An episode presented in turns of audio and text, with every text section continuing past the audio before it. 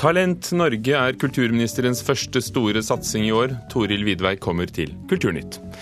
Det er en uting at publikum gir stående ovasjoner på alle forestillinger, sier teaterkritiker Mona Levin. Og etter TV-premieren i går, en historiker møter manusforfatteren bak Kampen om tungtvannet. Dette er Kulturnytt i Nyhetsmorgen i NRK, i studio Ugo Fermariello. Toril Vidvei, kulturminister, velkommen.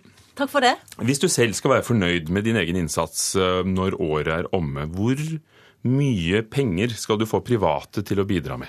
Så mye som mulig. Vi er veldig interessert i å få utløst enda mer privat kapital.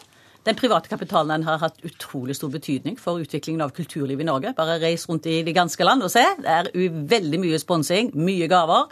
Og vi vil ha enda mer av det. Det er grunnlaget for at eh, vi nå tar ulike insentiv for å få utløst enda mer privat kapital. Er det i denne sammenhengen vi skal se den satsingen som du kommer til å lansere om rundt et par uker, nemlig Talent Norge? Ja, det er det også. fordi at Talent Norge eh, etablerer vi et eh, ideelt selskap sammen med andre stiftelser i Norge. Eh, foreløpig så har Sparebankstiftelsen, men også Kultiva sagt ja til å være med på å eie dette selskapet. Eh, og vi har allerede bevilga 30 millioner kroner til det. Det er noe som vi kommer til å følge opp også de eh, budsjettårene fremover. Og vi håper jo at det også private, både bedrifter, men også stiftelser og privatpersoner, ønsker å være med på å ta et tak for å løfte fram de ulike talentene vi har i Norge. Hvordan skal de gjøre det? De kommer til å etablere dette selskapet, og så er det veldig mange konkrete prosjekter rundt omkring i Norge som faktisk allerede har søkt. Eh, jeg har veldig mange søknader liggende i Kulturdepartementet som med konkrete enkeltprosjekter, eller for grupper som ønsker å få en mer målretta satsing. For å utvikle unge talenter. Er du nøye med å ikke si akkurat hva de skal, for det er nettopp det de skal ha frihet til å gjøre selv? Det er veldig viktig. Dette kommer til å bli etablert et eget styre. Eh, det er nedsatt en valgkomité. Dette er jo ikke noe som Kulturdepartementet ene og alene råder over, så nå er det nedsatt en valgkomité. Eh, valgkomiteens leder Ansgar Gabrielsen kommer fra Kultiva. Eh, de skal etablere et styre. De kommer til å lage strategien for hvordan de skal få dette til. Jeg er helt sikker på at om ett år så er vi kjempestolte over det arbeidet som de allerede har klart å få i gang. Men det å få private penger på banen, det, det koster jo også. Gaveforsterkning innebærer da at, at staten gir penger og insentivordninger innebærer at eh, staten kanskje kan gå glipp av eh, skatteinntekter. Er det også en del av frihetsreformen å gi fra seg den makten? For da blir det jo private som bestemmer hva statens penger går til? Ja, det, Dette er veldig viktig. for det Å få til privat kapital er jo selvfølgelig et veldig viktig bidrag for å få til maktspredning i samfunnet vårt. Eh, men det er også veldig viktig for å få til et større mangfold. For det er jo klart, jo flere finansieringskilder kulturlivet i Norge har å henvende seg til, jo større er sannsynligheten for at den blir mindre avhengig av staten. Det betyr mer maktspredning. Men det betyr også det at det kan bli mer penger som du kan fordele til mange gode formål. Og jeg tror det er, eh, Vi står overfor en nå en tid hvor det er veldig mange bedrifter som ønsker å ha et større samfunnsansvar. Mange privatpersoner ser at de har, de har lyst til å være med på å bidra til det, og gjerne vil sette av noen penger i ulike fond eller stiftelser som skal være med på å, å få til utvikling innenfor kulturlivet. Og det vil jeg være med på å bidra til, med å gi insentiver, sånn at vi får til enda mer. NRKs kulturkommentator har kalt deg kulturlivets røde klut, eh, og, og, sier at du for mange i kulturlivet er den minst populære og, og minst respekterte kulturministeren vi har hatt. Er du enig i at du er en outsider i forhold til kulturliv? Ja, som eh, Kommentatorer og, og, ulike synsere kommer ikke til å ha noen eh, påvirkning i forhold til den politikken vi skal føre.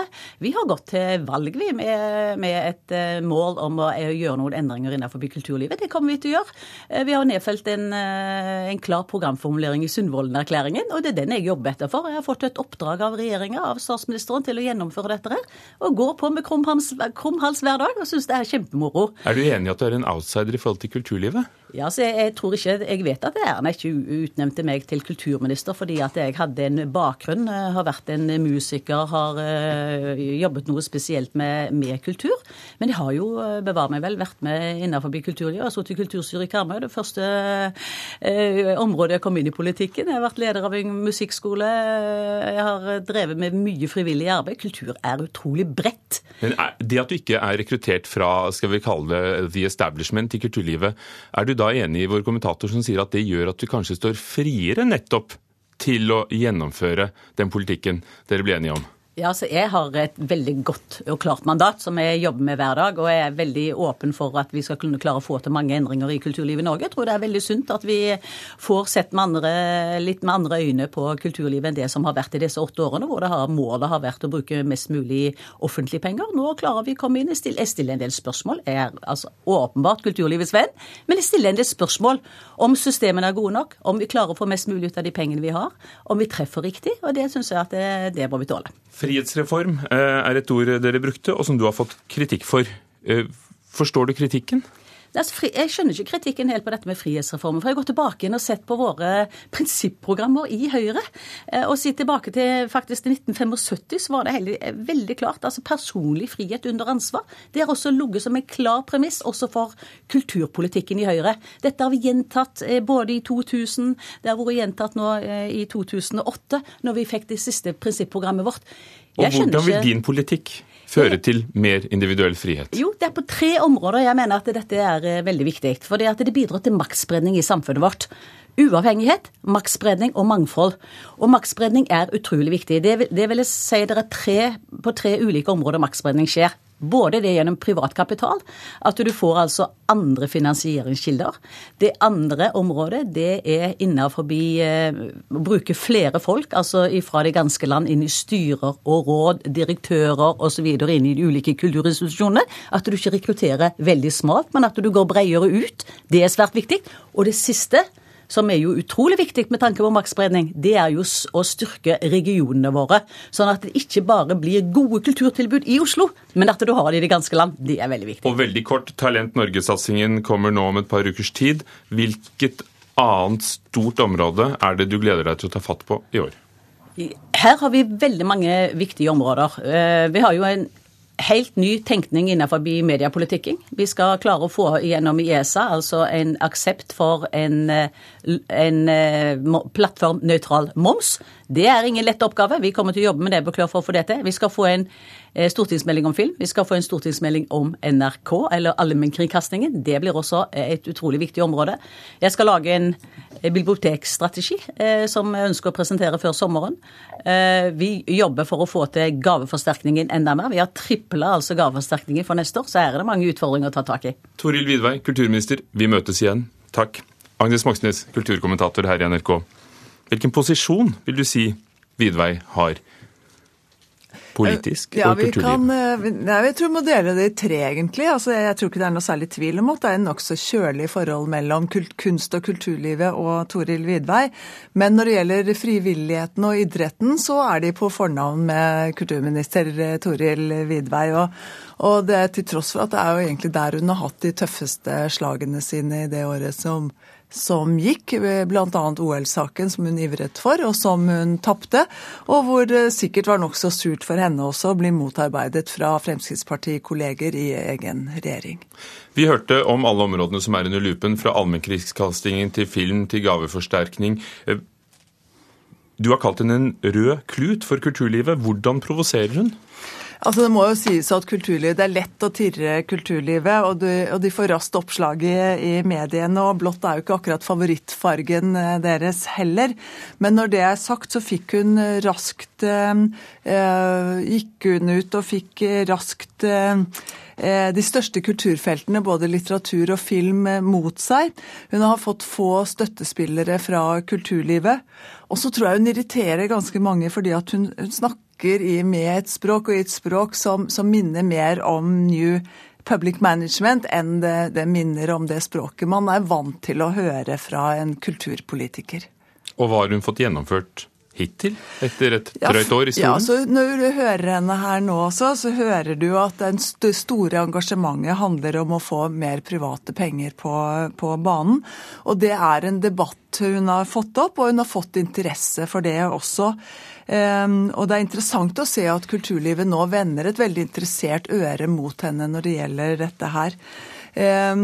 Det er, vel, det er jo altså, som dere også var inne på, det er nå i 2015 slagene skal stå. Det skal vise seg om kulturminister Tore Widberg klarer brasene.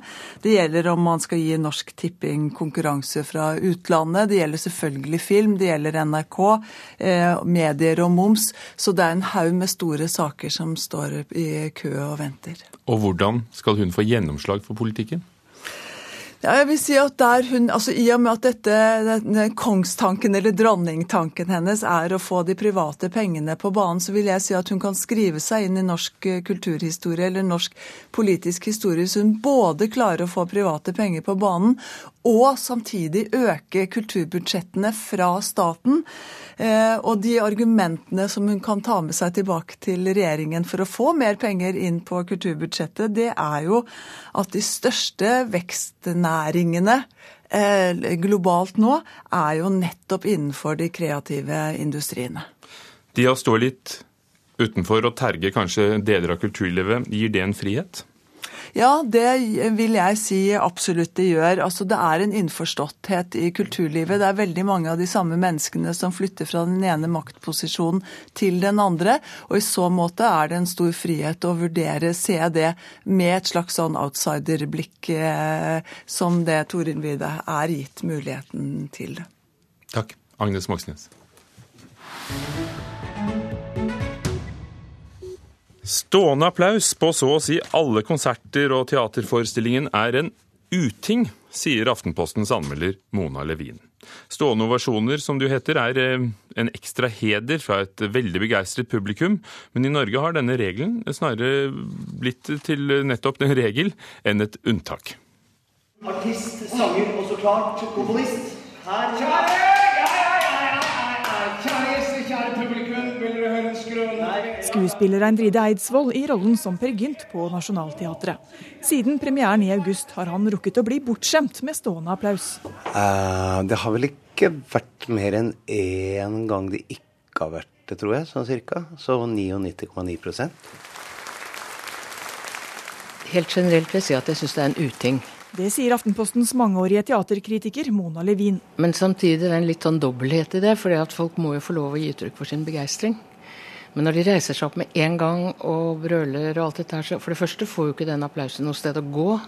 Og for det andre så bør, syns jeg, den stående applausen, stående ovasjoner som det heter, uh, forbeholdes de um, eksepsjonelle forestillingene eller konsertene. Men slik er det ikke lenger, mener Levin.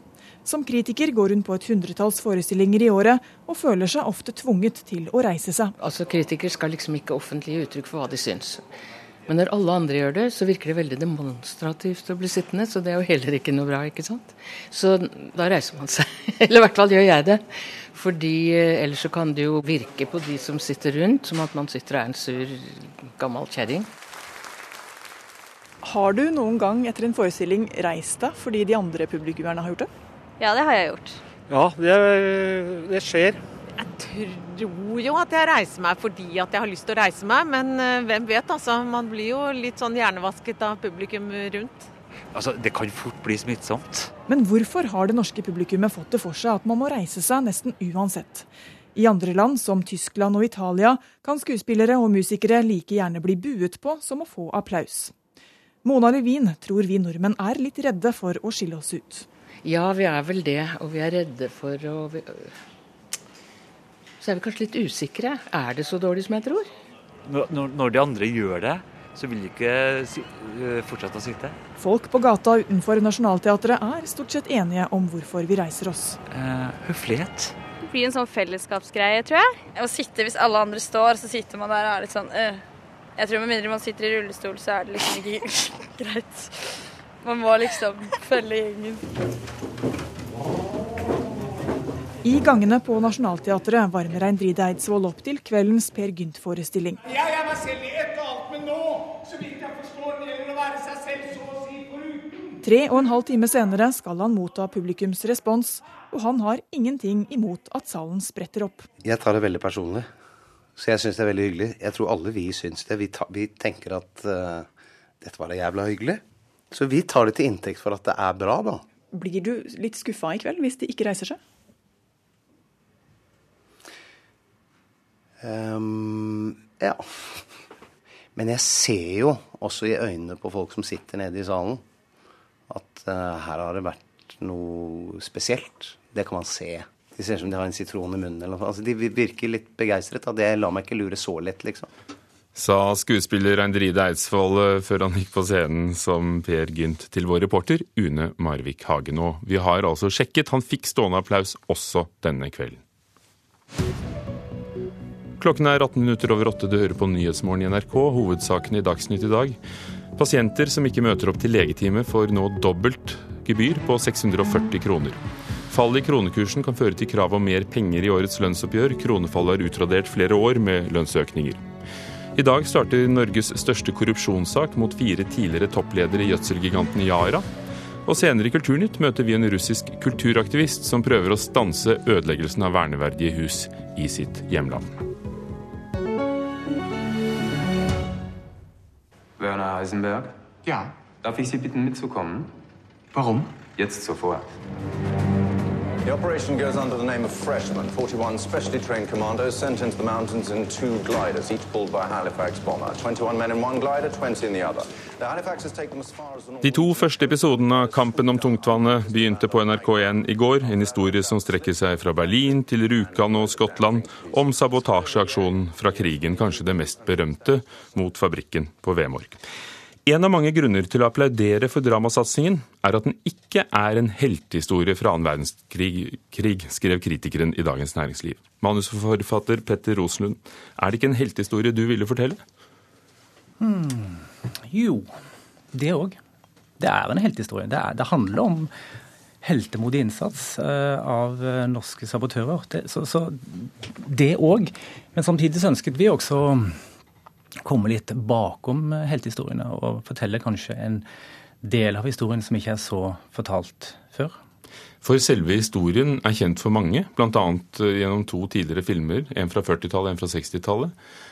Hva er det for deg som manusforfatter som gjør historien til spennende stoff? Altså, Det er en historie som griper inn i flere historier. Altså, den, den, den, den eksisterer ikke bare i Norge. Eh, den handler om eh, tysk vitenskap. Den handler om britenes forsøk på å stanse uh, tyskernes forsøk på å lage en atombombe. Og det handler om de norske heltenes forsøk på å stanse fabrikken på Rjukan. Så det, er, det, inn, det, er, mange elementer som griper inn i hverandre, og det gjør det spennende. Det gjør det litt større enn mange andre historier vi kjenner. Synne Korell, historiker ved Universitetet i Oslo, forfatter av en bok om nettopp hvordan okkupasjonshistorien er fremstilt i norske historiebøker. Hva syns du etter de første to episodene? Jeg vil egentlig gripe litt fatt i det manusforfatteren nettopp har sagt, nemlig at eh, noe av det som jeg liker godt med denne serien, er at den plasserer den historien som vi har møtt i en ganske sånn norsk sammenheng, i en europeisk og mer generell krigskontekst. Og jeg likte ganske godt det anmelderen i Dagsavisen sa, om at det på sett og vis er en historie hvor tungtvannet er eh, hovedpersonen. Selv om vi jo da har eh, tre menneskelige hovedpersoner som vi følger. Fysikeren eh, på den tyske siden, og så den norske Tronstad? Tronstad, ja. Takk. og um, Nå står det stille for meg der òg. Ja, hvem vil du si er hovedpersonen? Hvem har du tenkt er hovedpersonene? Nei, Vi er på vei. Altså, Vi har to, og så, og så har vi den uh, Hydro-direktøren uh, som, som, vi følger. Uh, og der er det at dere har gjort et grep. Mm. Du har gjort et grep. Mm. Dere har laget en rollefigur, som er denne Hydro-direktøren, eh, som, eh, som, egentlig ikke har historisk belegg som figur. Og dere har også laget offiseren Smith, spilt av Anna Friel i, i Storbritannia. Er ikke den opprinnelige historien spennende nok? Mm, jo, men for det første, dette er en dramaserie. Vi ønsket å lage karakterer som var hele på alle mulige måter. Eh, vi prøver å være historisk korrekte når det gjelder tid, sted og hendelser. Når vi går inn i de såkalte private rom og er med karakterer inn i steder hvor kanskje historikerne ikke har vært med tidligere, så dikter vi. Når det gjelder Hydro-direktøren, så ønsket vi eh, en person som ikke bare var ansvarlig fra Hydro, men som var mer delaktig i fabrikkarbeidet.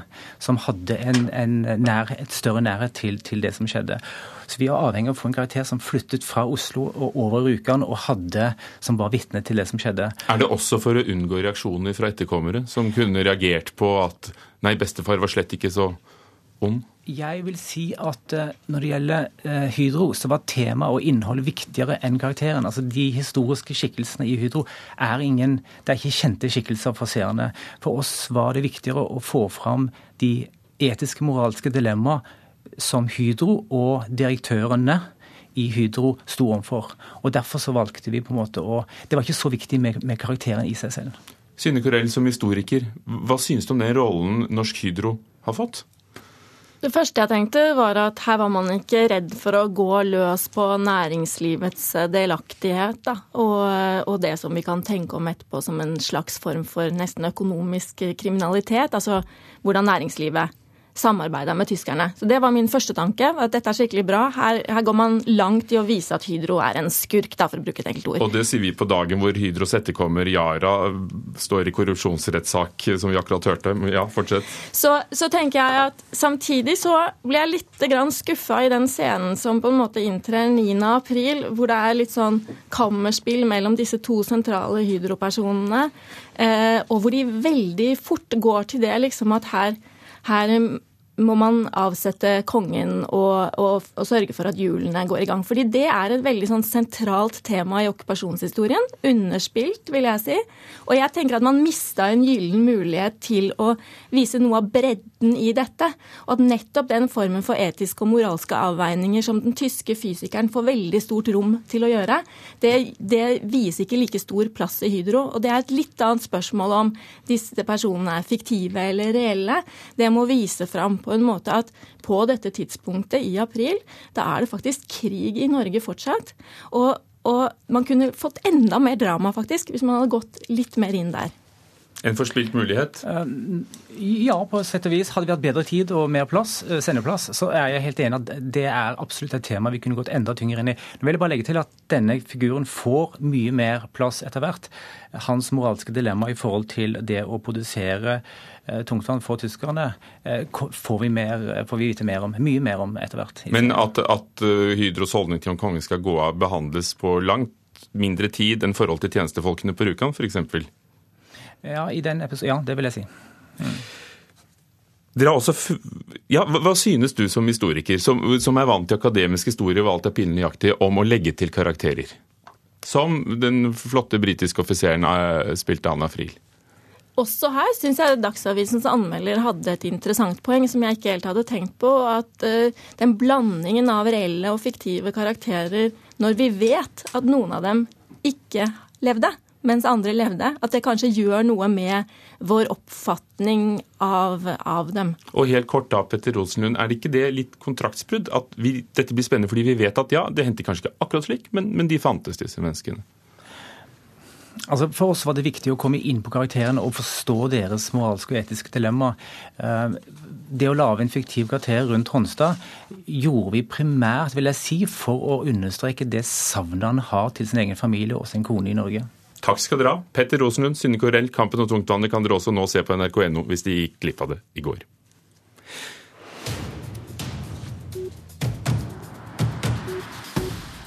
I Russland ødelegges mange historiske bygninger, og FNs organisasjon Unesco protesterer. Den russiske kulturaktivisten og historikeren Stanislav Dmitrijevskij har fått berget mange verneverdige hus ved å bruke husokkupasjon som metode уничтожен был именно в последние 7-8 лет, благодаря вот этому вот уничтожению массовому. Stanislav Dimitrievskij var nylig i Norge og hos den norske Helsingforskomité i Oslo. Helsingforskomiteen samarbeider med han og støtter han økonomisk. I Norge så kan det holde med en telefon til Riksantikvaren for å få verne et hus, men i Russland kan det kreve både rettssaker og okkupasjon og fengsel.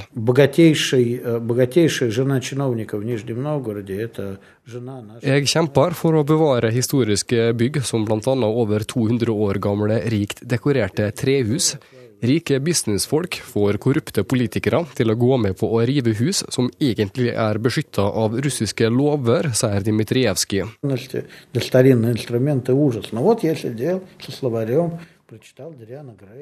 I det nyrike Russland så har det foregått en massiv ødeleggelse av ærverdige historiske hus.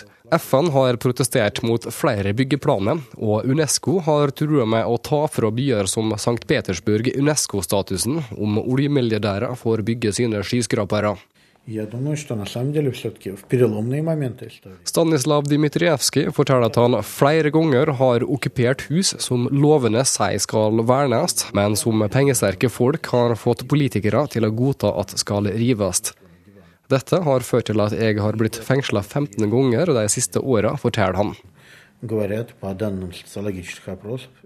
Inna Sangatsjeva jobber i Helsingforskomiteen i Oslo og er sjøl fra Russland. Hun forteller at det unike med Stanislav er at arbeidet hans faktisk nytter, fordi han vinner ofte rettssaker. Delvis pga. medieoppmerksomhet så har flere dommere valgt å følge lova og ikke rette seg etter pengekreftene. Det er også veldig positivt tegn. Det også sier, at man faktisk kan eh, vinne sak i russiske domstolene. Det også viser at det finnes dommere som er profesjonelle. Det også sier noe som at loven faktisk fungerer i Russland. Dmitrijevskij får også støtte av Boligaksjonen i Oslo. Det er en gruppe som i høst har okkupert og pussa opp en verneverdig villa som har stått tom. Tor, som ikke vil ha sitt egentlige navn på lufta, sier dette om okkupasjonene til Dmitrijevskij i Russland. Jeg syns det er godt gjort. Jeg syns uh, de tar på seg et, uh, en stor gave. Det er vanskelig å, det må være jævlig vanskelig å gjøre det der, kan jeg tenke meg. Det er på en måte Her i Norge så har vi Vi har fortsatt liksom ikke så mye rettigheter som okkupanter, men Russland er vel kanskje strengere straffer. Kampen for menneskeretter og bevare gamle bygg har hatt konsekvenser. Stanislav Dmitrijevskij har blitt trua på livet flere ganger, har fått heimen eller kontoret pepra med stein og en gang ei brannbombe. Men aktivisten sier at han ikke vil gi seg, jeg var fengsla i 25 dager sist, og det gav meg bare ekstra tid til å lese gode bøker. Han avslutter med å si at han ønsker president Putin et langt og godt liv, der han får god tid til å lese bøker. Putin bør dømmes og fengsles for korrupsjon og brudd på menneskerettene, sier Dmitrijevskij. Og reporter var Øystein Vinstad. Det var Kulturnytt, produsent Espen Alnes, programleder Ugo Fermariello.